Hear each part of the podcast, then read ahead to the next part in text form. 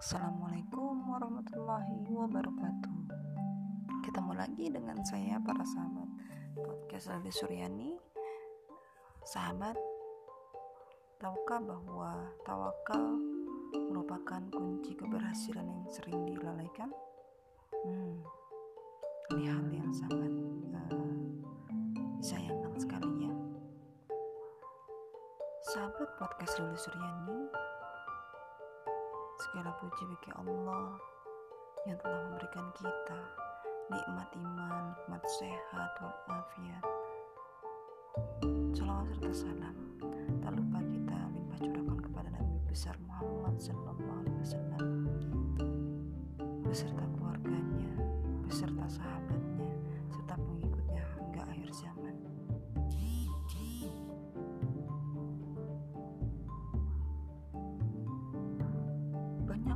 salah memahami dan menempatkan arti tawakal yang sesungguhnya. Sehingga tak kalah kita mengingatkan mereka tentang pentingnya tawakal yang benar dalam kehidupan manusia. Tidak jarang ada yang menanggapinya dengan ucapan, "Iya, tapi kan bukan cuma tawakal yang harus diperbaiki, usaha yang maksimal juga harus terus dilakukan." Ucapan di atas sepintas tidak salah ya. Akan tetapi kalau kita amati dengan seksama, kita akan mendapati bahwa ucapan tersebut menunjukkan kesalahpahaman banyak orang tentang makna yang, yang dan kedudukan yang sesungguhnya. Karena ucapan di atas terkesan memisahkan antara tawakal dan usaha. Padahal menurut penjelasan para ulama, tawakal adalah bagian dari usaha bahkan usaha yang paling utama untuk meraih keberhasilan. Salah seorang ulama salaf berkata, "Cukuplah bagimu untuk melakukan tasawuf, tawassul, sebab yang disyariatkan untuk mendekatkan diri kepada Allah adalah dengan dia mengetahui adanya tawakal yang benar kepadanya dalam hatimu." Berapa banyak hambanya yang memasrahkan urusannya kepadanya, maka dia pun mencukupi semuanya keperluan hamba tersebut. Di surat At-Talaq ayat 2 sampai 3 Allah berfirman, Barang siapa yang bertawakal kepada Allah, niscaya dia akan memberikan baginya jalan keluar bagi semua urusannya dan memberikan rezeki dari arah yang tiada disangka-sangkanya dan barang siapa yang bertawakal kepada Allah, niscaya Allah akan mencukupkannya segala keperluannya. Artinya, barang siapa yang percaya kepada Allah dalam menyerahkan semua urusan kepadanya, maka dia akan mencukupi segala keperluannya. Maka tawakal yang benar merupakan sebab utama keberhasilnya usaha seorang hamba baik dalam urusan dunia maupun agama, bahkan sebab kemudian dari Allah Ta'ala, kemudahan dari Allah Ta'ala bagi hamba tersebut untuk meraih segala kebaikan dan perlindungan dari segala keburukan. Coba kita renungkan kemuliaan besar ini yang di, diungkap dalam makna sabda Rasulullah Shallallahu Alaihi Wasallam. Barang siapa yang ketika keluar rumah membaca zikir. Bismillahirrahmanirrahim. Dengan nama Allah yang berserah diri kepadanya yang aku berserah diri kepadanya dan tidak ada daya dan kekuatan kecuali dengan pertolongannya maka malaikat akan berkata kepadanya sungguh kamu telah diberi petunjuk oleh Allah Subhanahu dicukupkan dalam segala keperluanmu dan dijaga dari semua keburukan sehingga setan pun tidak bisa mendekatinya dan setan yang lain berkata kepada temannya bagaimana mungkin kamu bisa mencelakakan seorang yang telah diberi petunjuk?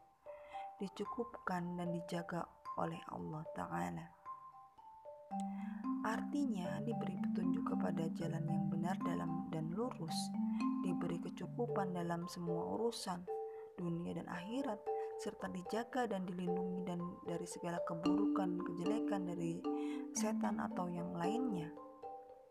Imam uh, Imam Ibnul Qayyim berkata, tawakal kepada Allah adalah termasuk sebab yang paling kuat untuk melindungi diri seorang hamba dari gangguan, kezaliman dan permusuhan yang la permusuhan orang lain yang tidak mampu dihadapkan dihadapinya sendiri. Allah akan memberikan kecukupan kepada orang yang bertawakal kepadanya.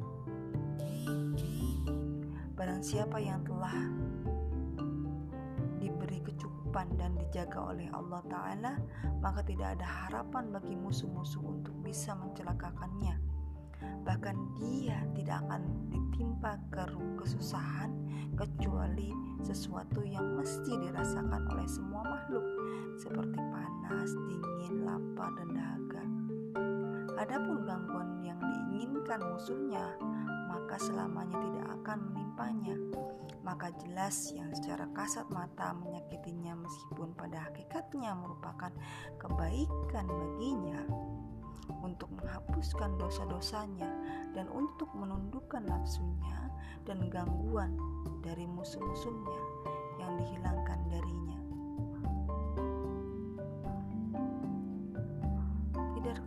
terkecuali ya dalam ini usaha untuk mencapai, mencari rezeki yang halal yang berkah seorang hamba yang beriman kepada Allah dalam usahanya mencari rezeki tidak hanya mentargetkan jumlah keuntungan yang besar dan berlipat ganda.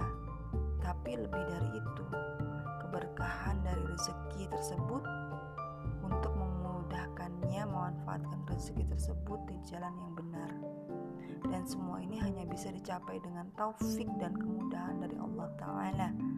Maka tentu tentu semua tidak akan mungkin terwujud tanpa adanya tawakal yang benar dalam hati seorang hamba.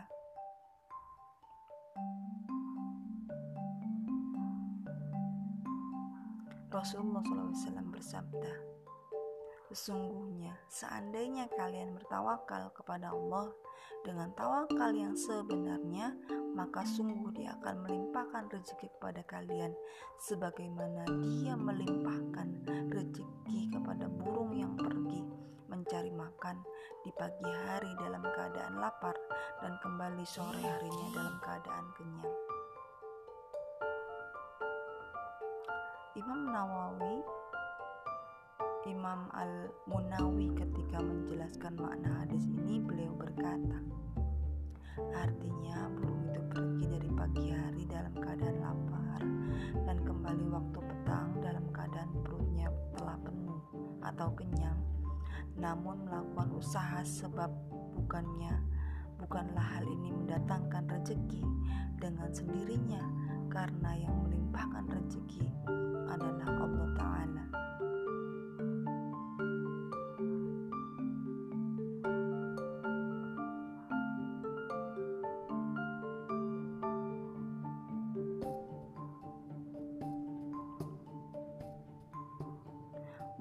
makna inilah yang disyarat yang disyaratkan. Mana inilah yang diisyaratkan dalam ucapan Sahal bin Abdullah Atsari? Barang siapa yang mencela tawakal maka berarti dia telah mencela konsekuensi iman. Dan barang siapa yang mencela usaha untuk mencari rezeki maka berarti dia telah mencapai sunnah Rasulullah SAW maka berusahalah dengan sungguh-sungguh rezeki yang halal dan kebaikan-kebaikan lainnya. Tapi jangan lupa untuk menyandarkan hati kita kepada Allah yang Maha Kuasa atas segala sesuatu, bukan kepada usaha yang kita lakukan. Semoga Allah Ta'ala senantiasa memudahkan rezeki yang halal dan berkah bagi kita semua, serta menolong kita untuk selalu istiqomah di atas petunjuknya sampai di akhir hayat kita. Amin ya rabbal alamin. Wassallallahu wasallam wa baraka ala nabiyyina Muhammad wa ala alihi wa sahbihi ajmain. Wa akhiru da'awana anal Alhamdulillahirobbilalamin. Alhamdulillahirobbilalamin. Alhamdulillah cukup sekian dari saya. Wassalamualaikum warahmatullahi wabarakatuh.